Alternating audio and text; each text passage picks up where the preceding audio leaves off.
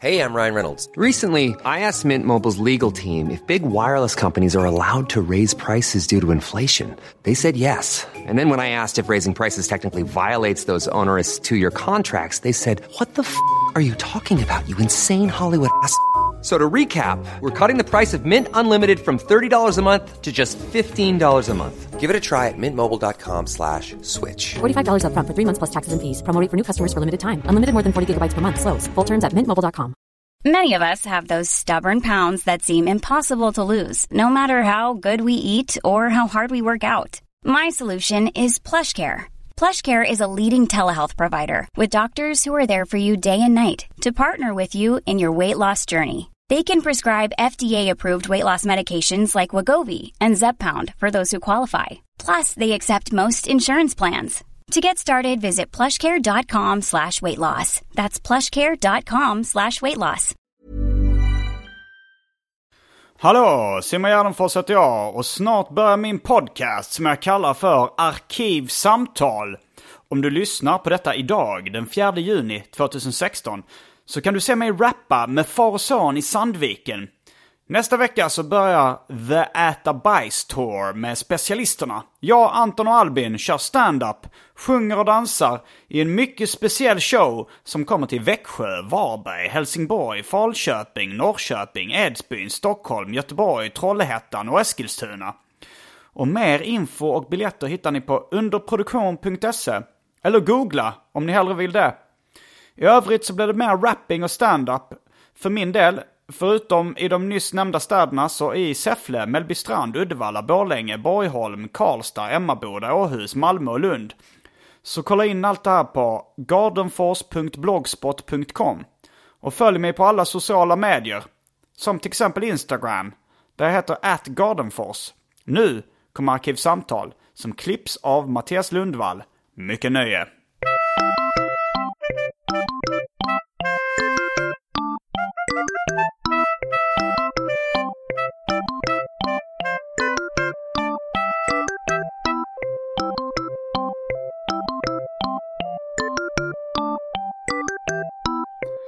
Tror jag vi är klara med ljudtestet. Bra. Det bra vi fick ditt skratt också. Så lite i taket där. Det är, Therese klagar alltid på det. Ja men jag har ju lyssnat på er podd också. Det, ditt skratt dominerar lite. Men eh, jag tror att ni hade en sån uh, zoom va? Ja, ja precis. Ja, Här kan man ändå så här, om man får en skrattattack brukar jag så vända mig bort. ja och Skratta. precis. Det går ju ändå här. Ja, och sen så satt vi i hennes kök som var väldigt så här ekigt. Så om man skrattade så blev det väldigt hårt mot. Mycket ekmöbler. Ja, oavsett hur mycket jag vänder mig bort så blir det liksom väldigt... Jag tänkte ordvitsar att det var mycket möbler av ekträ. Men du, du nappade inte. Det är som Olof så här, gjorde någonting eh, vid mitt öga igår. Jag bara, det där var så jävla nära mitt öga. Han bara, varför sa du inte nära ögat? Jag gav nära ögat Ja men det, det hedrar dig att du inte är så snabb. Alltså att du inte, jag, ingen gillar ju ordvitsar. Nej, pappor. Ja, Jag var ju fast, tillsammans med en göteborgare också. Så det, ja, det är slut nu eller? ja, På grund av hans ordvitsar. bland annat. Nej. Man kan inte vara tillsammans med någon som tycker den typen av humor är... Men jag har ju eh, en gammal grej jag återkommer till. Som är då en tjej som drog ordvitsar i sängen. Och det stod jag knappt ut med. Ja, Det var väldigt fruktansvärt. ja. Ehm, hej och välkomna till Arkivsamtal. Hej. Jag heter Simon Gärdenfors och mitt emot mig sitter Felicia Tomala. Hej, hej. Är det så man uttalar ditt namn? Ja. Eller det är så, ja. Det är så pappa säger, så det är så jag säger. Eh, Men jag vet inte, jag antar det. Jag brukar, jag brukar för folk, ge folk lite frihet Okej, med att uttala det. var kommer din pappa från? Eh, jag Sverige, men min eh, farfar kommer från Tyskland. Okej, Så det är väl tyskt. Det låter väldigt finskt. det låter väldigt finskt. Ja, men då det, jag brukar säga ibland att det är viktigt att folk vet att det inte kom till på en Finland-Sverige, utan att vi är nazister. Är, Och som ni kanske har förstått så är Felicia Tomala komiker. ja, jätterolig. Jätteroligt. Och eh, du, eh, någon form av sjukpensionär också avslöjade du innan. Ja. typ så. Komikern och sjukpensionären Felicia Tomala allihop. Det, det passar väldigt också bra på min image. Att innan jag kommer hit så säger jag ska bara hämta min tand först. Sen så, Du tappar tänderna. jag tappar tänder och ont i höfterna. Och, ja, du vet. Jag, Du verkar ha haft en del eh, fysiska och psykiska problem i ditt liv. mest psykiska då. Okej, Det- men i och för sig det, det var väl i viss mån de psykiska problemen som ledde till fysiska också. Ja, Du tog en ADHD-medicin. och fick eh, våldsamma eh, biverkningar. Ja, utslag. Eh, vad hette den medicinen så du kan rekommendera den? Ja, Elvanse. Men det, det är också så här, jag går ju på samma, det är ju samma grundpreparat eller substans i den medicinen jag går på nu.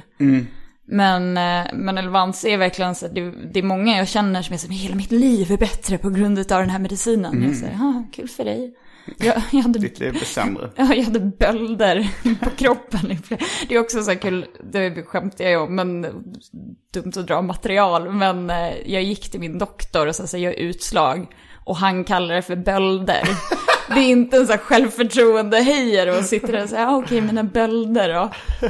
Ja, Ja, bölder, var, var går gränsen för att det för bölder? Är de storleksmässigt? jag tror att det är storleksmässigt. Eh, och sen så också så gick jag till eh, en hudklinik och där, eh, ja, först och främst så fick den här läkaren gå och hämta en annan doktor för second opinion. Ja. Och båda stod och bara, nej men vi har aldrig sett något liknande. Sa, "Åh, vad kul. Eh, och sen så, så här, råkade någon av dem nudda mig och gick direkt och spritade händerna efter det. Det är ju heller självförtroende. Och sen så avslutade hon hela mötet med att säga att så här, det, är, ja, det är ändå fantastiskt att du, du tar det här så himla bra. Jag bara, ja, vad menar du då? Nej men att du inte sitter och skriker och gråter. Det skulle man inte säga till någon annan som förlorat ett ben. Och sen så gick jag ut därifrån och bara... du skrek och grät. Ja, eller jag grät och kräktes. Så. det är också att det ligger, den, den hudkliniken ligger, ja, den heter Utsikten, bara det. Men, ehm, så den ligger vid Slussen, med så här utsiktsställe. Eh, ställe. så det kommer massa Är det turister. någon form av ordvits? Utsikten? Nej, utan det är att det är så jättevacker eh, utsikt från. Men Det man... ska vara kontrast till huden. Precis, alltså kontrast till väntrummet. Men eh, så när jag kom ut därifrån också första gången så var det tre så här, turistbussar som hade stannat och det bara vällde ut folk. Då kände man sig inte så här, åh, yay, titta, titta på mig. Ja, men nu är det bättre. Okej, men det, det är ADHD främst som har varit ditt psykiska problem då? Ja, eller ADD. ADD? Eh, Den inåtvända formen av ADHD? precis, och sen så har jag en eh, stor ångestproblematik. men, eh, Men annars, men annars går det bra. som en nötkärna? Eller nej, det är det inte. va? Nej, det är lite andra. Det är ju någonting fel på mig liksom. Ja, nej. Det är ju det är problem också när man går och har psykiska problem och går till en husläkare och säger man ont någonstans. För de bara, Mm. mm, det där borde du prata med din psykiatriker om. Och så säger jag, ja fast jag sa det till henne och hon sa att det kan vara jätteallvarligt. Jag borde gå till min husläkare och det är du. Hon säger, mm, nej. Så man blir inte tagen på allvar. Nej, men det, det kommer jag ihåg när jag har alltid haft lite så här en, en konstig typ av uh, huvudvärk. Som egentligen är att det hugger till lite på, på vissa delar av huvudet liksom. Det har jag haft sedan jag var liten. Och det kommer jag ihåg att jag gick till, eh, till doktorn när jag var liten. Och, och de var också så här frågade. Har du problem i skolan? Hur mår du? Liksom att det var så här, de, de letade ganska snabbt efter psykiska problem. Ja. Nu, nu i efterhand så har jag märkt att det är liksom att, det, att om jag trycker på de ställena så gör det ont. Att det är typ några, jag vet inte vad det är som har hänt där. Men om, om du har sett filmen Garden State. Så går han till doktorn och har samma problem som jag Ja, just det. Och doktorn vet inte heller vad det är då utan tror också att det är något psykiskt problem. Jag vet Ja. inte riktigt. Men det låter ju som någon sån spännings, eh, alltså huvudvärk slash migränaktigt. Det kanske det är. Men det gör liksom, det känns som att man har ett litet, litet blåmärke. Fast Ja. jag minns aldrig att jag har råkat slå, slå i huvudet liksom. Nej. Men det hugger till ibland bara så ah! Där fick jag lite ont på eh, utsidan av huvudet liksom. Jag har haft väldigt mycket problem med migrän. Men då är det ju, och jag har haft det sedan jag var väldigt liten. Men då måste de ju gå igenom hela, för att, för att jag hade så ont så jag låg och spydde och sånt där. Eh, men då måste man kolla så att det inte är någon hjärnblödning eller... Så vi fick röntga hjärnan. Eh, ja, det och massa blodprover och så, eh, vad heter det, så lumbalpunktur, att man tar rygg, eh, ryggmärgs... Ryggmärgsprov. vätska. Så man får ligga i fosterställning och så tar de så världens största nål. Fy fan, nu, eh, det känns som att nu när jag börjar knuffa på 40, jag är 38, eh, kommer Arkivsamtal in i den här fasen när man mest sitter och pratar kräm. Krämpor. har, det är omåttligt populära inslaget, så här, var har du ont? Ja men det, jag, jag har ju liksom, jag, jag har ju fastnat i den här rutinen nu och gör arkivsamtal. Jag har inga direkta planer på att sluta. Det hade Nej. varit rätt kul om jag kör fram tills jag blir riktig gammal skröplig skitgubbe. Så jag sitter och klagar på dagens ungdom och pratar om krämpor. Hytter med käppen på mina pressbilder. Ja, men det, Ja, det är, sämre kan man ha det. ja, verkligen. Så du kommer bli Karl-Axel. Karl-Axel Björnberg, ni som har missat avsnittet med honom eh, Har missat någonting. har missat något stort. Han berättar bland annat eh, om sina extremt roliga matvanor. Som i stort sett består mest av kokt köttfärs utan tillbehör på tallrik. Det roliga med honom är att han- han är så himla rädd för cancer och sådär. Eller det var väl därför han kokade köttfärs. Och sen så, någon gång när han var nere på en klubb, då kom han med så big size Snickers. och tr- började trycka in i käften. Och, och det är så mycket, och han tuggar med öppen mun för han har tagit så stora Det är så äckligt att se på. Och sen så eh, liksom trycker han i sig hela den. Det är ganska mycket Snickers. Och sen så ska han precis gå upp på scen. Och då tar han upp nästa. Och då kommer Therese som hade klubben och bara nej, nej, nej, nej, nej, inte stoppa in den där i munnen. Det vill ingen se. Han är 80-plussare. Eh, hur gammal är du egentligen? Tio år yngre än vad du tror jag. 28. 28. Ja. Men du började med stand-up innan ja. Ja. För jag kommer ihåg att du var en av dem som brukade vara på de här klubbarna jag hänger på i Stockholm. Men Speciellt när jag började. Ja. Sen åkte du iväg till USA. ja, då var det lite svårt att vara på Big Ben och Mafia. Ja. Men då gjorde du ungefär samma sak i, i New York City. Eh, först och främst eh, så pluggade jag ju teater i ett år. Men sen så giggade jag typ varje dag också. Du körde varje dag. Ja, nästan. Det tog ja, men några dagar. Typ lördag, söndag hade inte så mycket där. Så då kunde jag ta lite paus. Eh, Det finns ett avsnitt som jag kan rekommendera av eh, Verkligheten i P3.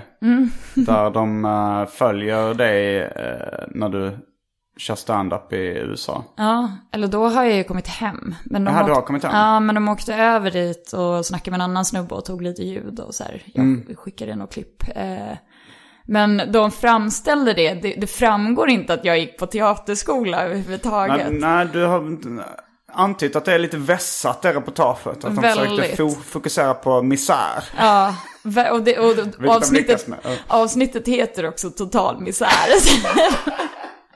men jag hade flera vänner som ringde efter och sa, men mår du bra? Typ, för att det var, det var också de här påorna så här, innan det gick på på radio. Så var det så här, Felicia hade precis nått den absoluta botten. Följ Felicia, verkligen. Och så kopplar de in det och sitter säger, ja jag sålde biljetter på... Men det var ju, allting jag gjorde var ju ändå så här frivilligt. Det var ju inte som att jag Nej. tvingades in till... Eh, nej men det handlar om, eh, det är två avsnitt av Verkligheten i P3. Eller Mm. är det ett med dig eller två med dig? Det är ett med mig. Ett med dig. Och sen så ett med en annan kille. Ja. Eh, som då liksom harvar runt mest på gratisklubbar. Du får väl lite bättre gig än så vid något tillfälle i den dokumentären. Men, eh, men jag tycker ändå att det var mer misär när man lyssnar på den andra killen. För han levde mer i självförnekelse. Ja. Han pratar om att, eh, att han är rädd för framgång. Ja. Och att det är därför han kanske har misslyckats. Medan du mer omfamnar misären sätt. Bara tycker att ah, det, här var, det här är rätt deppigt. Och... Ja men det är också så här, open mics är ju deppiga och kan vara jättedeppigt för att det är bara, jag tror att det är John Mulaney som säger att så här, men det är åtta personer där och en utav dem är en hög med kläder. eh, och, och det är ju väldigt, och han körde väl mest sådana. Men sen så finns det andra att man kan, de har så bringer shows, att man tar med sig sju polare som köper sprit och grejer och inträde. Och då är det någon agentur som ser en och så är det så här, man kan bli bokad utav klubben efter. Så det är ändå, även fast man blir sjukt lurad så har man ändå en möjlighet att bli upptäckt. Eh, Men han gjorde väldigt lite sånt. Eh, Och ja, jag vet inte. är han kvar där nu och kör fortfarande? Ja, han, han bor ju där. Han började där också. Så, eh, men han har någon open mic. Vad heter han? Eh, han heter Johan Ankarkrona. Nu har det blivit dags för det omåttligt populära inslaget Välj drycken.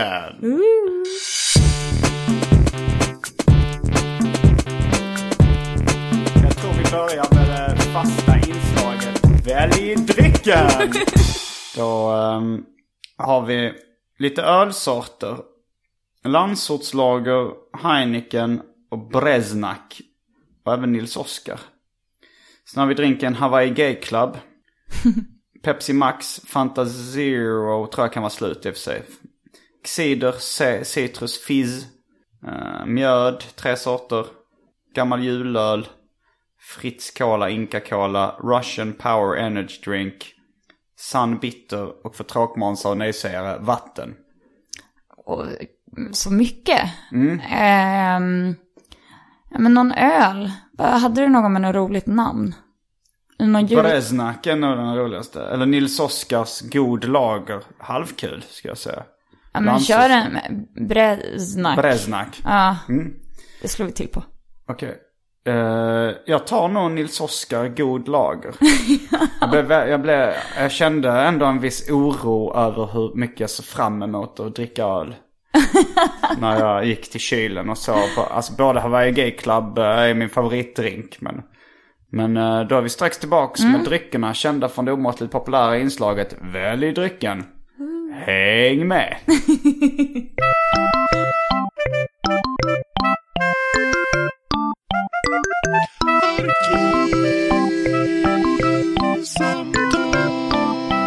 Då är vi tillbaks med varsin öl. Mm. Ja, men vi var ju med, jag och mina kompisar i Specialisterna var på en open mic i New York.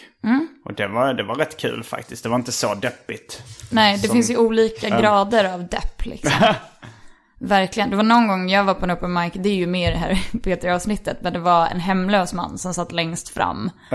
Och ingen visste om han var komiker eller inte, så det var liksom ingen som bad honom att gå. Men han satt, eh, det var så uppenbart att han var hemlös här i efterhand. För att han luktade illa och sen så under, när man satt och giggade så hade han tagit av sig skorna, satt och pillade med sina tånaglar. Men eh, Ja, det, är ju ju inte bra open mic. Men sen så finns det ju ställen där de har folk liksom. Ja, den vi var på Laughing Buddha. eh, på någonting room. Det var bra. Den eh, kan jag nog rekommendera. The Climate Lounge hette det förresten. Just det. Det ska jag nog rekommendera. Men, men sen, det avsnittet slutar ändå med att du så här, kommer hem till Sverige och blir bokad på lite större klubbar på Raw och sådär. Än vad du har fått innan. Precis.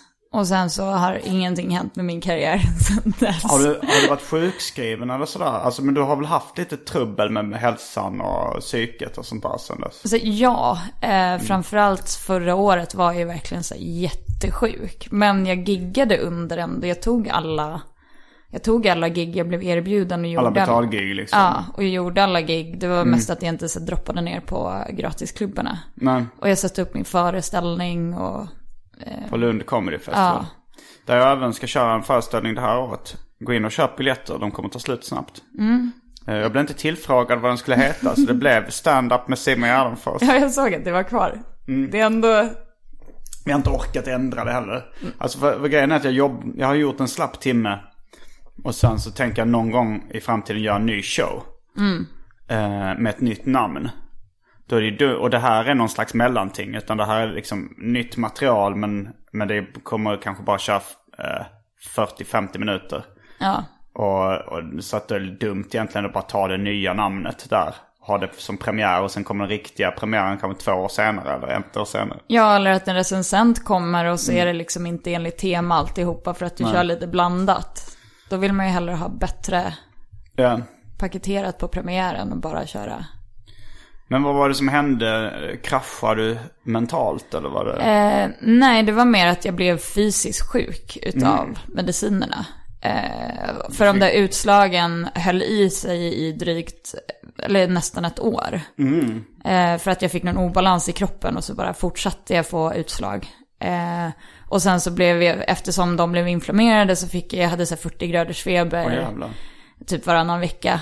Eh, men jag lyckades ändå gigga liksom. Eh, och nu, nu, nu kan jag sitta och säga, åh fan, var har min... Så här, jag, man har ju lite momentum när man börjar med stand-up och... ehm, ja, när jag kom hem från New York så hade jag väldigt mycket momentum att säga, ja men nu har jag varit där, jag har lärt mig, eller jag har blivit mycket bättre. Jag kan rida på den vågen. Men så blev jag jättesjuk och, och orkade inte rida på någon våg utan bara körde allting i botten. Eller inte i botten, jag är fortfarande liksom... Det är inte som att jag blivit sämre. Ja. Men, eh, ja. Så det Nej, känns... men det, det, går ju, det går ju att komma tillbaks liksom. Ja. Det, jag lyssnade på Louis CK. Han har varit med två gånger i eh, WTF-podden med Mark Maron. Eh, det första avsnittet har blivit framröstat till det bästa podcastavsnittet någonsin. Och det är väldigt bra. Alltså de har väldigt bra kemi och, de, och de liksom, det finns en dramatik i det att de har varit ovänner och sen blir vänner igen under avsnittet i stort sett. Plus att uh, Louis då är en väldigt bra berättare om sitt eget liv. Men han var med nyligen också kanske, det var, jag vet inte om det var avsnitt 700 eller något sånt sjukt. Som eh, de hade ett jubileumsavsnitt där, där Louis var med. Pratade rätt mycket om sin nya eh, tv-serie Wallace and Pete. ja, just det. Som han släppte på sin egen hemsida. Ja. Och skuldsatte sig rätt mycket. Men där så snackar han just om det. Att vissa har förmågan av att dö och komma tillbaks. Ja, och att om man har den förmågan, alltså det var både då Mark Maron och Louis CK hade väl gjort det vid ganska många olika tillfällen. Dött karriärsmässigt och sen kommit tillbaks. I första podden berättade jag om Louis när han typ, han är med i någon motorcykelolycka och sen så förlorar han. Och, då, och sen under den veckan så är det, är det någon liksom dipp i branschen också så. Plus när han gjorde filmen Pootie Tang som eh, floppade rätt rejält så var han också rätt körd på filmmarknaden och liksom ingen ville riktigt ta honom. Och de tar också upp exemplet med eh, Chris Rock.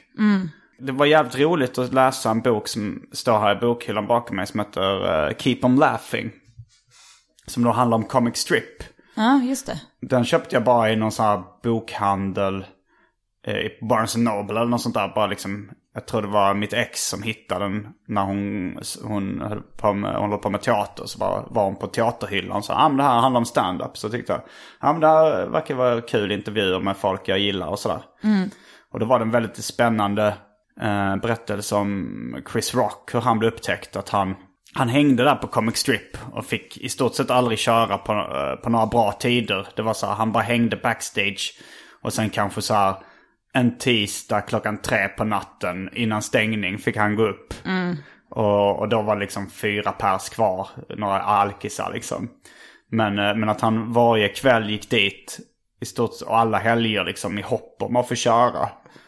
Eh, och sen så fick, blev han ju säkert lite bättre då, men det var ingen som fattade att han var bra. Och sen var det eh, Eddie Murphy som var då en av världens största stjärnor då för tillfället. Han hade släppt Snuten i Hollywood och han liksom... och han åkte förbi där och parkerade sin lyxiga bil utanför. Bara tänkte att det vara kul att se lite stand-up när han ändå var i New York. Han spelade väl mest i en film i LA då. Och så gick han dit och så var det, ja, så satt han och kollade så här. Så tyckte han så här, finns det inga, är det inga svarta komiker som kör längre här på Comic Strip? och så sa han så här, ja vi har Chris, han brukar hänga här. Så här, men han är lite rookie sådär. Så här, men släpp på honom. Och då var det liksom en lördag primetime vid åtta. Och då gick Chris Rock på och, eh, eh och dödade liksom, det gick skitbra. Och, eh, och så liksom Eddie Murphy sa, ah, fan du var grym, uh, här är mitt telefonnummer, vill du följa med mig? Vi ska, vi kan, vi ska spela in, uh, vi ska åka till LA och spela in Snuten i Hollywood 2. Du kan, jag kan fixa en, liten roll åt dig om du vill. Han bara, nej, jag har grejer att göra. På jag har tvättid på tisdag. Ja, men det är också så här att man, i Sverige går det ju så himla fort att göra karriär för att det är sån liten bransch. Ja. Så får man igång ett litet snack så, är, så blir man bokad. Medan där, Louis CK och alla de här har ju hållit på så jävla länge. Jo, de Så- har ju verkligen det. Så att sitta och klaga på att så här, ja men åh, det går inte tillräckligt bra när man har hållit på, jag har hållit på i sex år. Det är Ja. långt för att hålla på i Sverige, men, men inte för att hålla på med stand-up generellt. För det Nej. tar en väldigt lång tid att hitta sin röst och, och sådana där saker. Ja, det tar ofta, alltså många amerikanska komiker håller på i 15 år innan de får ett break, alltså innan de slår igenom. Ja, jag dejtade ju em, en komiker där som, vi satt han är lite äldre. Och så, och så satt jag, jag satt väl inte och klagade, men jag säger ja men jag vill gärna, jag vill gärna här, få bättre gig och så bla bla. Och han sa, ja jag började för 22 år sedan. Så hur gammal var du då? Jag bara, ja tre. Eh, Vad är jag då? Ja, vi såg honom när vi var på Comedy Cellar. Han är ju komfa där ibland, ditt, ditt ex. Han är konfa där typ varje dag. Vad, vad, vill du nämna namn? Eh, Ja, eller så här, ex skulle jag inte kalla det. Men vi dejtade en smula. ehm, ja, R.D. Fuqua. Ja, Men han har varit med i Louis-tv-serien också. Ja, Är det han som är då, för det finns en, eh, en episod när, eh, som handlar om Louis, att han inte är så social. Hans dotter Just klagar det. på det. Och så säger han, och så, så är det då typ, det är väl då Ardy kanske som gör lite crowdwork i början. Det vill säga snacka med publiken. Eller är det någon annan komiker? Eh, jag vet nu men han är med i ett avsnitt där så Louis kommer hem tidigt och barnflickan börjar gråta för hon tycker att han är så tragisk. Eh, och då går han ut och är så här, men jag, kan, jag har inget game när jag är ute. Och då går han ut med två svarta komiker. Ja, ja men det har, jag, det har jag sett också. Och, de, och de andra komikerna där säger men gå ut med dem för de, så de har så jävla att ragga. Ja, de har Ja. pull liksom. Så går de ut och så försöker han härma en utav dem och Ja. så ser han bara super creepy ut. Men det är inte Ardy som han försökte härma då? Eh, ja, det är någon utav de två liksom. Du känner inte igen honom? Du, du tycker alla svarta ser likadana? Precis, det, det, var jätte, det var det. jättejobbigt att dejta honom. jag bara, Men, men kände du igen några av hans eh, raggningstrick då från tv-serien som han hade kört på dig? nej men det Ändå- var ju mer också så här att de var väldigt, eh, ja, så här, extremt charmiga och väldigt mycket utstrålning. Um, Det var ju någonting som jag ty- föll för väldigt mycket. Att jag tyckte inte att han var så här jättehärlig när vi träffades först. Men sen så när man ser honom på scen så har han en sån otrolig utstrålning. ja. Och fångar in ett rum på bara några sekunder och får tyst på folk och är så här väldigt charmig. Eh, så det, Så ni träffades på Comedy Cellar eller? ja. Körde du på Comedy Cellar någonsin? Ehm, nej, alltså in, jag blev inte bokad, nej. Men jag var där efter jag hade slutat skolan så var jag där några månader och då tog jag en kurs på Comedy Cellar för Rick Chrome, som också är med i Louis. I ett av första avsnitten så pratar han om var ordet fag kommer ifrån. När man sitter och spelar poker. Är det då man buntar ihop kvistar och kastar Precis. själv? Ja. Så det är han. Och eh, då fick man så här, två gig i den lokalen.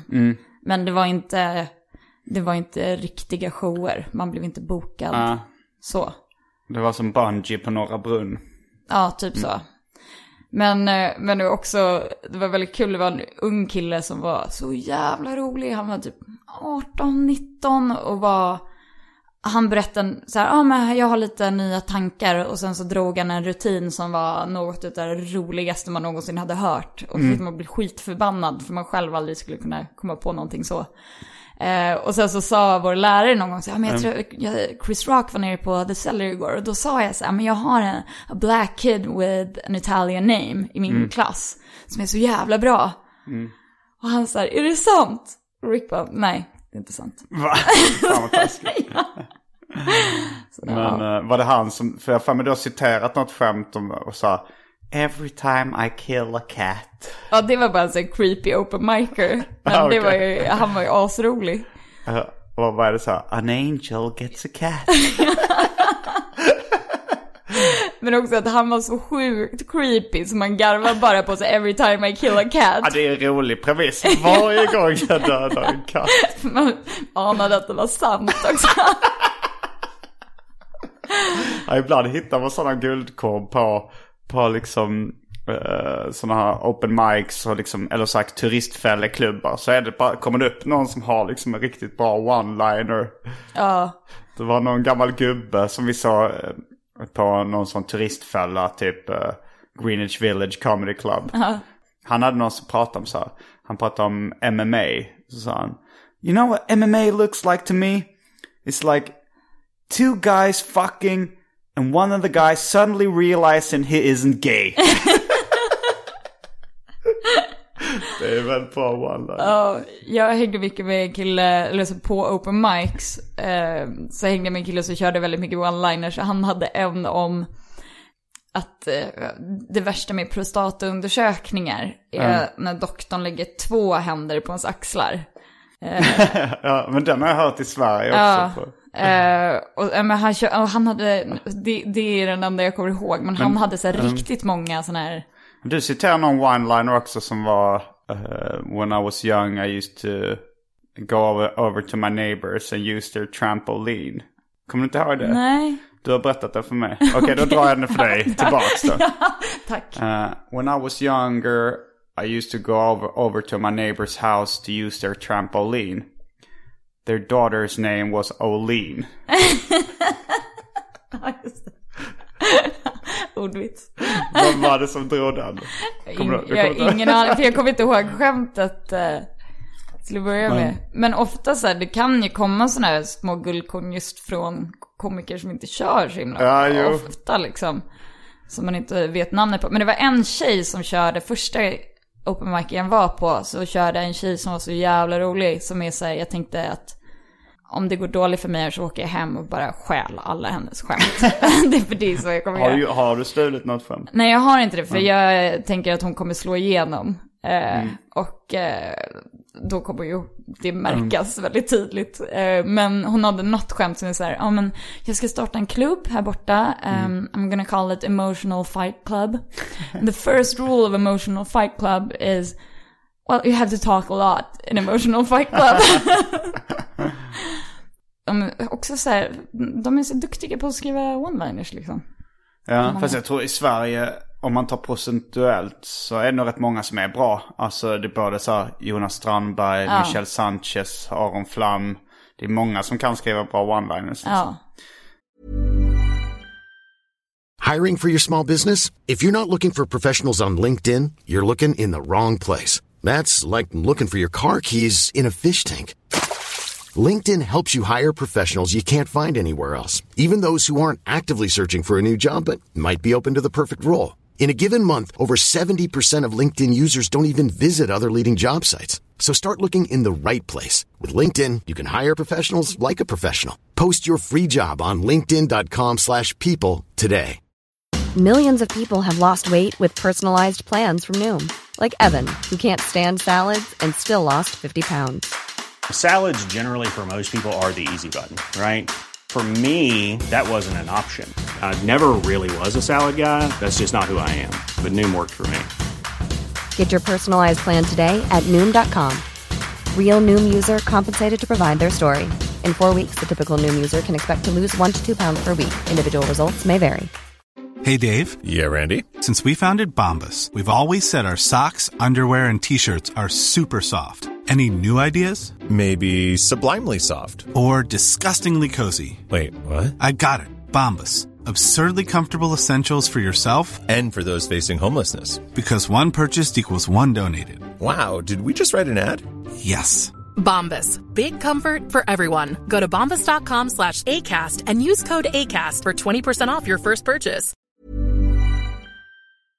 Men jag, jag stannar någonstans halvvägs med det här dying and coming back. Som, alltså att dö och komma tillbaka som Louis snackade om. Ja, just det. Ja. Men att eh, då Chris Rock, så fick han den rollen i, eh, i uh, Snuten i Hollywood 2. Och så småningom fick han även vara med på eh, SNL, Saturday Night Live. Som var en av de största humorgiggen man kunde ha i USA på den tiden. Men sen så var han inte så jättekul där. det var, det var liksom, eh, för, det, den allmänna uppfattningen är att han sög på SNL under en tid där SNL sög väldigt mycket. Och att då var det extra dåligt att liksom sticka ut som sämst under den Ja. sämsta säsongen. Så han dog lite då liksom att han hade ingen, eh, han hade ingen publik längre. Nej. Men sen så liksom började han jobba från grunden med, med sin eh, stand-up igen. Liksom han gick tillbaka till stand-up och bara så här kämpade varje dag. Han sa liksom han var inte på någon date under tio års tid för att han bara kämpade med sin stand-up så mycket liksom. Och sen så blev han ju en av de bästa. Och sen när de, Louis och hans kompisar såg honom sen på Carolines när han headlinade någon gång. Bara, så bara, vad fan har vi gjort den sista tiden? Så jävla bra han har blivit. Och så, pratar han lite om, om det att, eh, men att ha den här förmågan att dö och komma tillbaks. Då har man, alltså det, det finns ju många som har talang och som kan få ett break liksom. Eller kan Mm. få, eh, men, men, eh, men att det är något speciellt i det där att kunna liksom verkligen falla bort och vara på botten och sen så komma tillbaks igen. Ja, Så där har du din chans efter, efter bölderna. precis. Problemet är att jag hade ju inte någon big break innan. Så det är mer att jag liksom... Nej men det, man, man, kan nog, man kan nog göra det på en mindre nivå och sen öka var, för varje gång liksom. Ja, absolut. Men bara man har förmågan att komma tillbaks. Så. Ja, jag stod och pratade med Björn Gustafsson och han var så här, men du ska vara glad att du inte har slagit igenom för stort och han står och klagar på att så här, Vem är Leo Gustafsson? Nej, Björn Gustafsson. Ja, Björn Gustafsson. Jag var så här, ja men jag var as... Jag bara, du klagar på det här till helt fel person. Jag blir bara arg på dig när du säger så här. Liksom. Varför tyckte han att du skulle vara glad att du inte hade slagit ner Nej men för han slog igenom alldeles för stort, alldeles för tidigt. Så att han blev helt utbränd. Och inte var redo för Ehm, den berömmelsen Nej. han fick. Men ja, jag kände bara så här, nu, nu är du bara elak. det är inte roligt. Men det fanns nog ganska roligt, under den här perioden du bodde i USA. Så jag vet inte om någon av er två tyckte det var så kul. Men jag som utomstående betraktare tyckte det var kul. Det var, det var, jag har precis lärt känna Anton Mr Cool Magnusson. Och jag hade precis lärt känna dig också på standup-klubbarna. Och Anton hade inte börjat med standup. Men han hade börjat göra lite radiohumor tillsammans med mig i Specialisterna. Eh, på P3 Humorhimlen Lab liksom. Eh, och då var han där med sitt gamla jobb. Om man ska koka ner det som telefonförsäljare. Mm. Eh, men han var där med sitt företag. ja men han hade någon längre eh, titel liksom. Ja. Som lät lite flashigare. Eh, men han var i alla fall i New York med sitt jobb och då, då hade han börjat intressera sig för stand-up. Jag vet inte om han, han kanske hade kört ett eller två gig.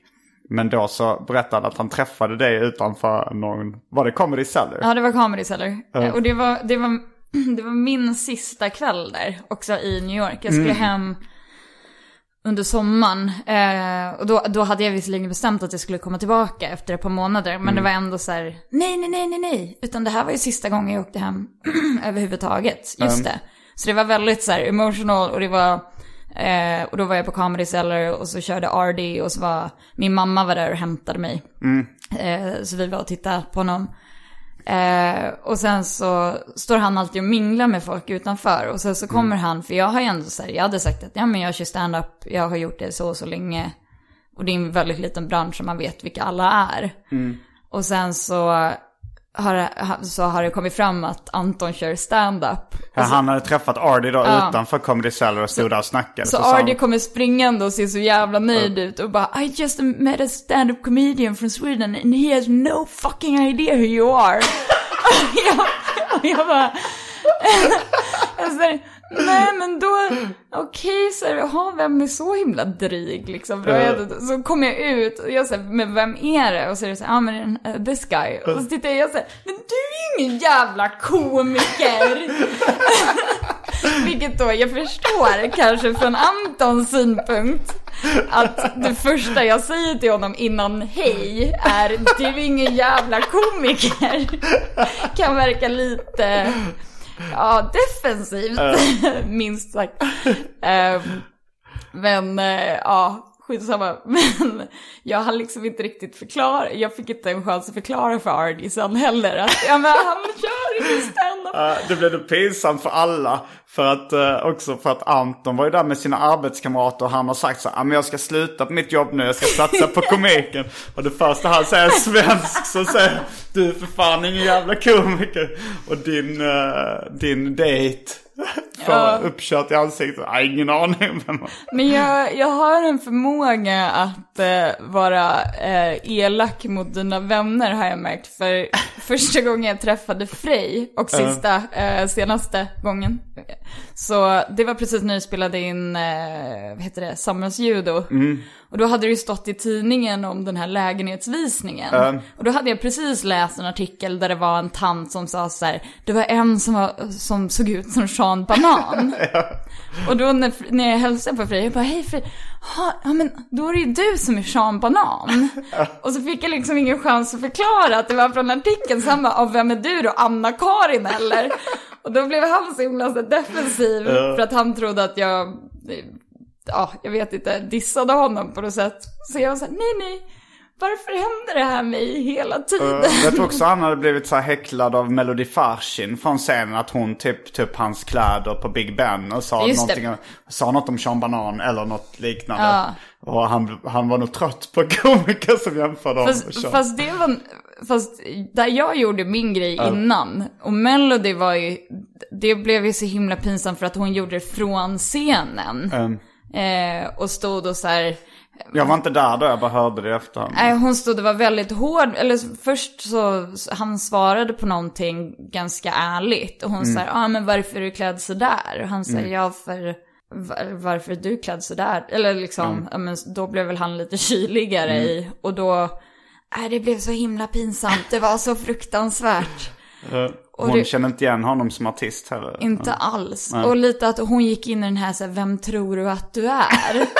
På en gång, det gick så fort från så här, hej vad heter du till så här, vem fan, eh, du är ingen jävla musikartist.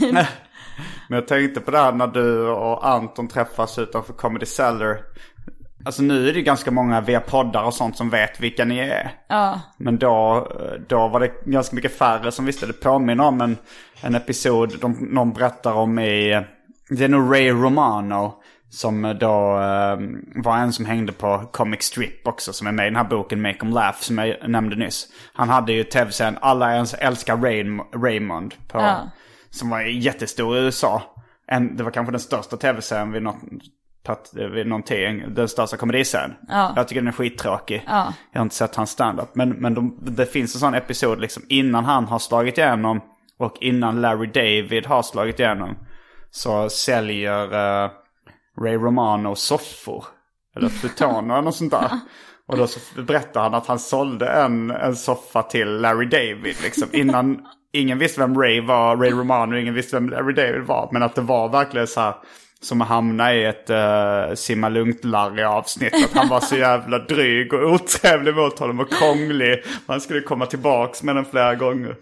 Och sen uh, minns de det i efterhand. Men där på Comic Strip, vi gick ju dit också ganska mycket för att, eh, den, eh, för att jag läste den boken om Comic Strip. Eh, men den, den klubben kändes som den var lite på dekis. Det var typ någon av Chris Rocks kusiner, Jordan Rock tror jag det var, just det. Som... eh, Eller är, inte det hans bror? Har inte han någon lillebror som försöker slå igenom? Kanske, jag tror han kanske har en brorsa och en kusin. Eh, jag kommer inte ihåg ve- vem av dem det var. Men han påminner lite om eh, Chris Rock både i utseendet och dialekten och sådär. Och han står där och man märker att det går inte gick inte så jättebra för honom. Alltså det var, det var ju ett ställe som kanske tar 250 pers comic strip. Och det var kanske 60 pers där.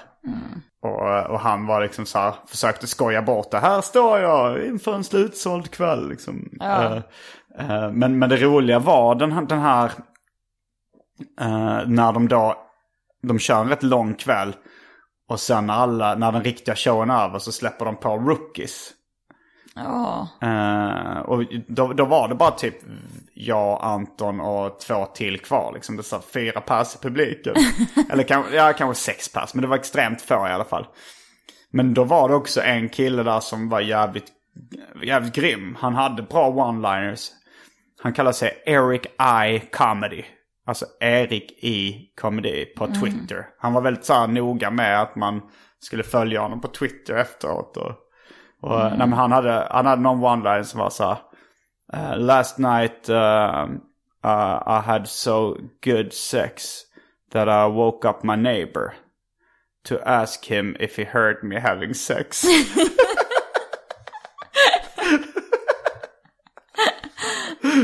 Uh, men han, och sen när vi skrattade åt hans skämt, så han, han var så här ganska småfet, såg ut som någon sån här eh, karaktär och någon collegefilm. Alltså den här, så här, den lite för gamla killen som stannat kvar på college några år en, eh, längre bara för att dricka öl och ragga på tjejer liksom. Ja. Alltså lite småfet, skäggig, gick upp på scenen med någon form av billig drink.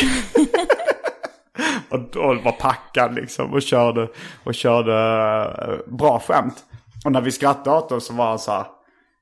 You see how good I am? You're like, you gotta tell people how good I am so people realize how good I am. Han var, han var rätt grym.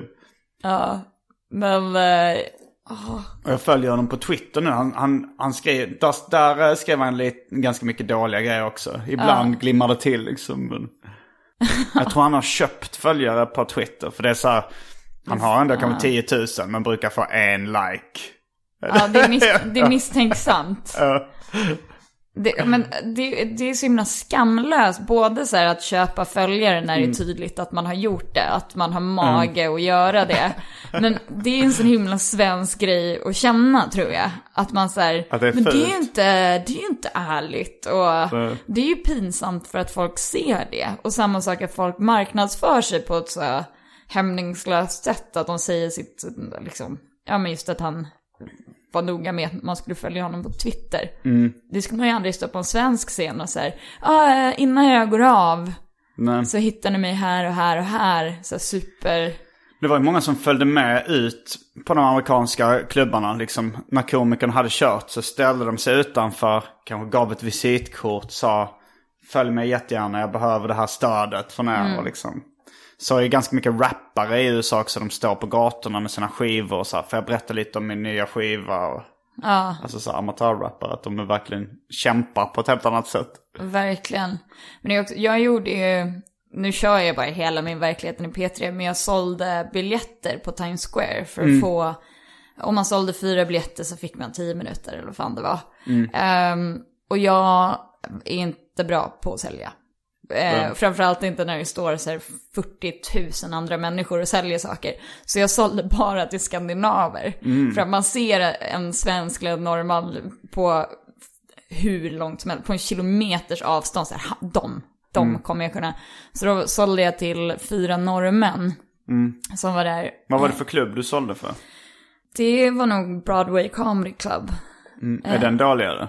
Ehm, nej, alltså de kör, de har lite olika shower. Och Mm. beroende på vilka man kör, jag blev bokad några gånger till bra shower. Mm. Och körde typ så här checkspot. Att när de går och tar notan Mm. så vill de inte ha en headliner uppe, utan då har de liksom Okej. en slasskomiker. Mm. Ehm, typ jag. Så de har lite bra shower. Mm. Och sen så har de några där det är, och det är också jobbigt när man säljer de här biljetterna. Man, vet, man står med ett plakat med här Seinfeld och Chris Rock och massa stora och man vet att de kommer inte dyka upp ikväll. Liksom, utan det är jag och den andra killen på hörnet som kommer vara där med tre andra som ni aldrig hört talas om. Mm. Men då sålde jag till fyra norrmän och sen så var det, man håller det här plakatet och så var det biljetter och så skulle jag hålla något annat ytterligare, någon flyer eller någonting. Och så säger jag när jag ska, när vi ska göra transaktionen, Mm. så, så säger jag så här, Åh, om jag, så här, jag önskar att jag hade en till arm. Och då ser jag att han bara har en arm. Och får så panik och bara, ja men det vet väl du hur det känns. Och känner bara, nej varför sa jag, det hjälpte inte alls. Och sen så, och han, han bara garvade och bara så här, ja. Och så här, ja, det var liksom inga problem med det, det var ju bara så, det var ju inte ont i det jag sa. Men sen så, när jag ska köra den kvällen, då sitter de längst fram. Och du kör ditt armmaterial. Ja, nej, då Mm. var det mer att så här, jag stock, alltså det gick inget bra alls. Jag blev alldeles psykad utav det. Jag gick ju flera månader sen när man sätter sig, Bill Burr har en rutin om, om att han har så ångest när han duschar. Och jag känner igen det så otroligt att så här, tankar kommer när man inte har några andra stimulin. Att han står i duschen och bara ah! Och, så här, och hans fru bara what happened? Och han bara ah, the water is too hot. Så här, hon bara again? Han låtsas. att- ja, men det är så här att han kommer på någonting som han har gjort. Och det var så Det är en klassiskt. skamsköljning eller? Ja, verkligen. Att det Mm. bara så kommer, och jag har verkligen så att det kan komma Ja. helt oförberett också. Så här, dumma grejer som jag gjort för tio år sedan. Att det bara så kommer Men jag, som- jag har också lidit av skamsköljningar. De, de har försvunnit ganska mycket på sista tiden. Mm. När jag har blivit skamlös istället. men eh,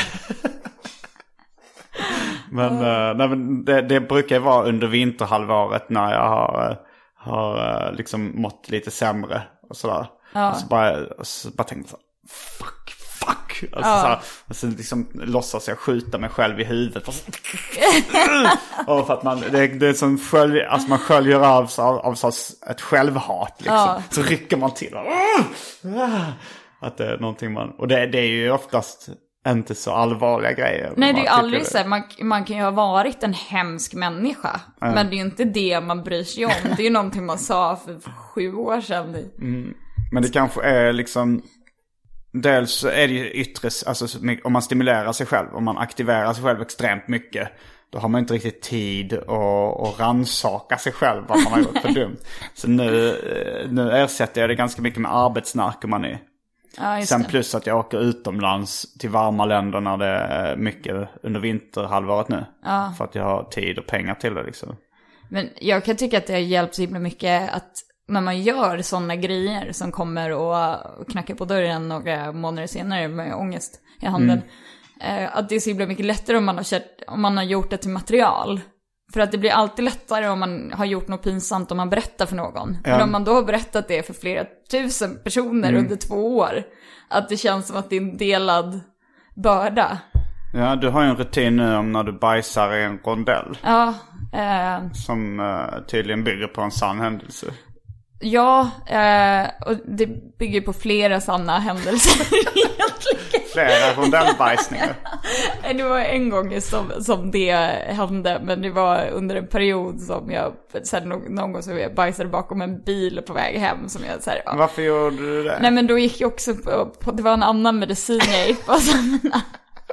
Så, här, jag är så himla dålig Var på det en ADHD-medicin också? Ja, jag är så himla dålig på att planera saker Mm. så att det, ja. Men att om jag drack alkohol så jobbade mina tarmar lite hårdare. Mm. Men, och det var någon gång som jag var på väg hem och jag kände så här, men nu händer det, jag, ork, jag orkar inte göra det här igen liksom. Eh, och så är det fyra killar som ställde sig så lite hotfullt framför mig på trottoaren på en Mm. väldigt öde gata. Och jag säger, jag har inte, jag har inte tid att jiddra, jag måste bajsa. och de, de bara så flyttade på sig och lät mig komma igenom. så det är ett tips ifall det är en hotfull situation. Ja, så, men, eh, men gör du det fortfarande? Rondellbajsar ibland? nej, nej, nu är det... Hur, hur många gånger har du bajsat eh, på gatan eller i rondeller? eh, jag tror att det blev... I Eh, vuxen ålder kan vi säga. eh, jag tror att det blev tre gånger. Eh, eller fyra kanske. Det var en gång i en, en riktig park. Mm. Eh, och sen så var det en gång i, i en rondell. Och så Mm. var det en gång bakom en bil.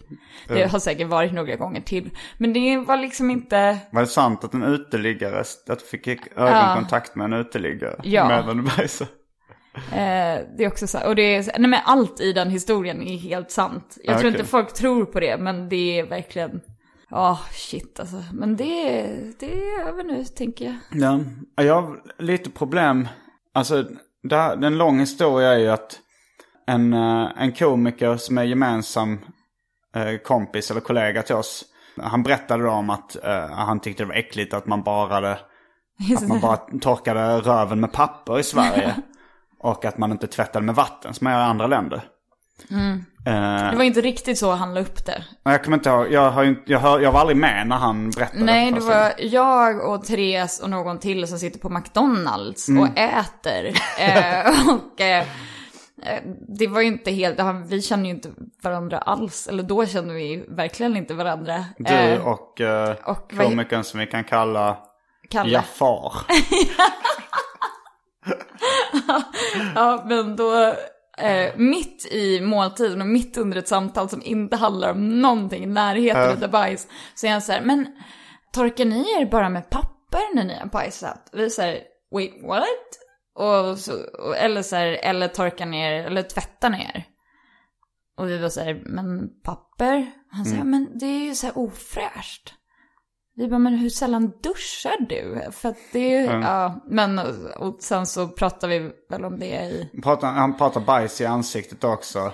ja, om Om, man om har, man skulle få bajs i ansiktet så hade man inte bara torkat bort det med lite papper. nej, Och sen så hörde jag er referera till den anekdoten, eller den berättelsen i er podcast som du och Therese hade som hette Två fruntimmer. ja, Jag tyckte det är, det är skitkul. ja, Och så sa jag till då Jafar, ska du inte göra en standup-rutin om det?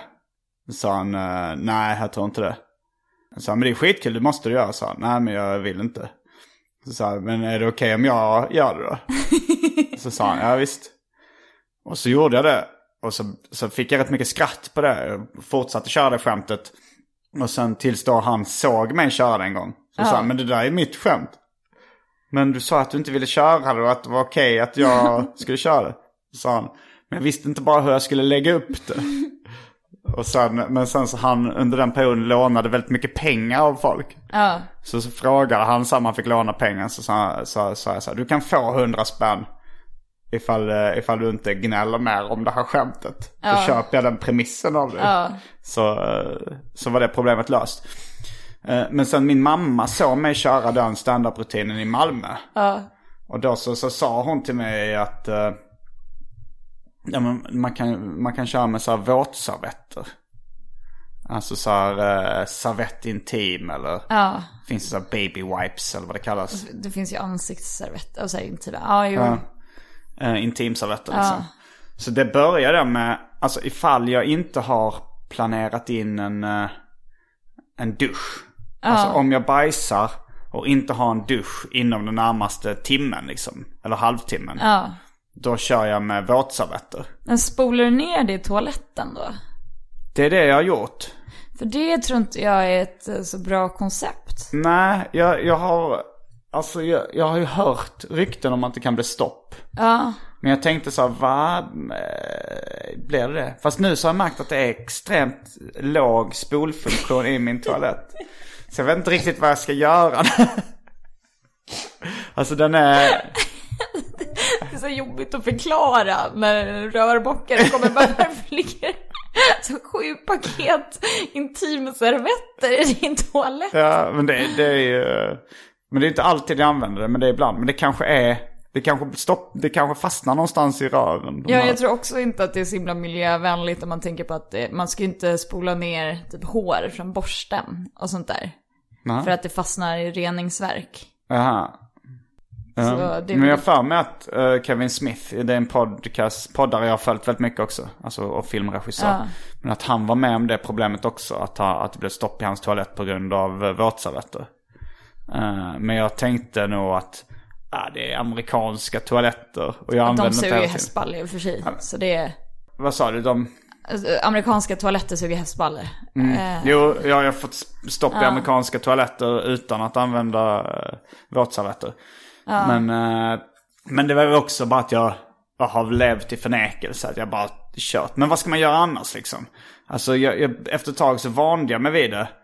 Och kunde inte riktigt eh, bara fortsätta gå runt med bajsrester i röven liksom. nej, jag förstår. När jag har vant mig vid att ha det rent där nere så, så är det beroende. Och man kan ju inte lägga dem i vanliga bara. Man kan Nej. inte lägga bajsiga våtservetter i vanliga sop Nej. Eh, slasken liksom. Under... Man måste bara ta med sig den ut och lägga den i sopnedkasten på en gång. Ja, jo. Eller man kan ha, det borde finnas sådana här zipbags. Alltså sådana typ Forex-påsar. Icke genomskinliga zipbags som man kan lägga sig Jag får börja med sådana. Jag tror, att, jag tror att du har hittat om möjligt en mindre miljövänlig lösning. De, de på Forex kommer att bli lite, kommer bli sura. Där kommer han igen. Varför han är och Servettbajsar. växlar varje dag? Jag tar gärna ett kuvert till det. Jag vet inte riktigt hur jag ska lösa det här. Nej, men jag tänker att du kanske... Nej, jag vet inte. Jag har faktiskt tänkt på det här också. Det här problemet. Ja, ehm, För det, är- jag, men jag har ju länge känt mig så att jag inte är riktigt ren efter jag har bajsat och inte duschat sen.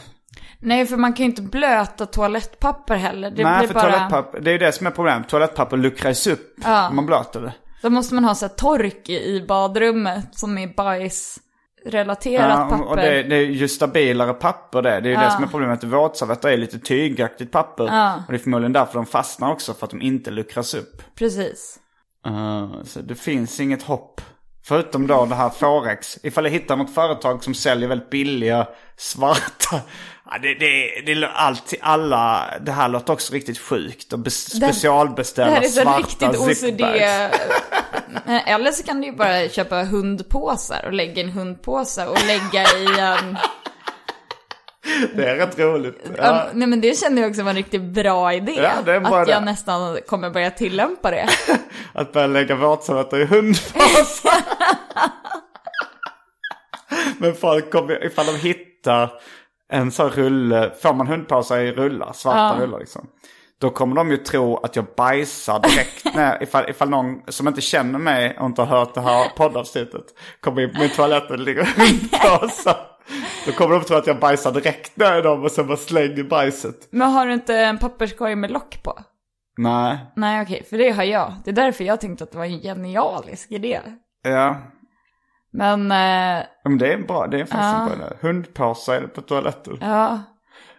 Min, min mamma skrev och klagade på, vi har ju hund, eh, eller mamma har hund, eh, som jag har uppfostrat som min, så hon älskar mig mer. Men eh, då skrev hon och klagade på hundpåsar och då ville hon inte använda sitt namn. När hon köper hundpåsar. Nej, hon skrev och klagade på hundpåsen att de var, det var dålig kvalitet. Aha. Så då skrev hon det i mitt namn. Så jag... Hade hon tyckte det var pinsamt att vara förknippad med hundbajs eller varför? Nej, men eller att hon kände att så här, jag är, är respekterad yrkeskvinna. Eh, Ja. Ifall de liksom kollar upp eller ifall det är någon patient som jobbar där så vill hon inte. Så Mm. jag fick hem ett, ett paket med massa hundpåsar och ett brev där det stod Mm. så här, ja, jag hoppas att det här kan eh, kompensera för så här, inom citationstecken skitpåsarna. Då har min mamma dragit en ordvits också i...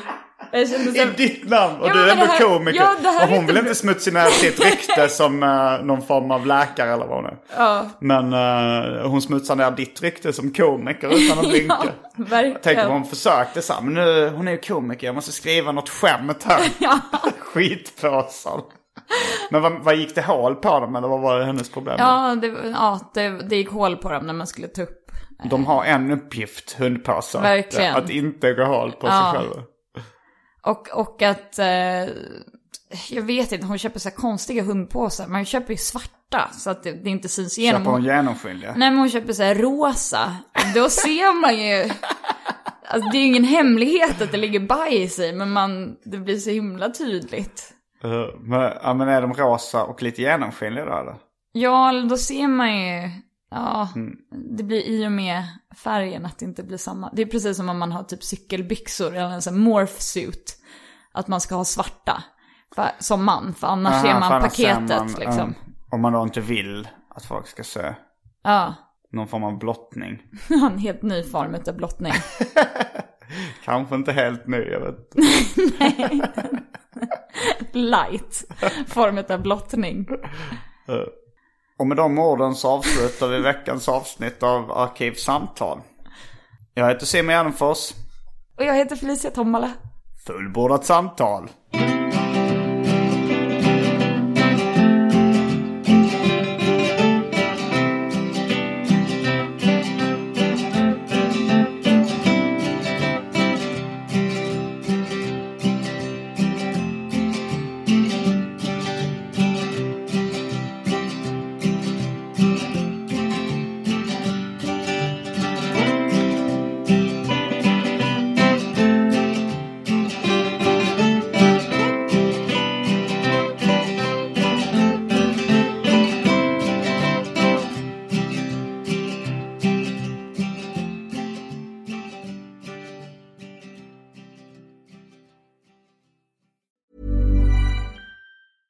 Planning for your next trip?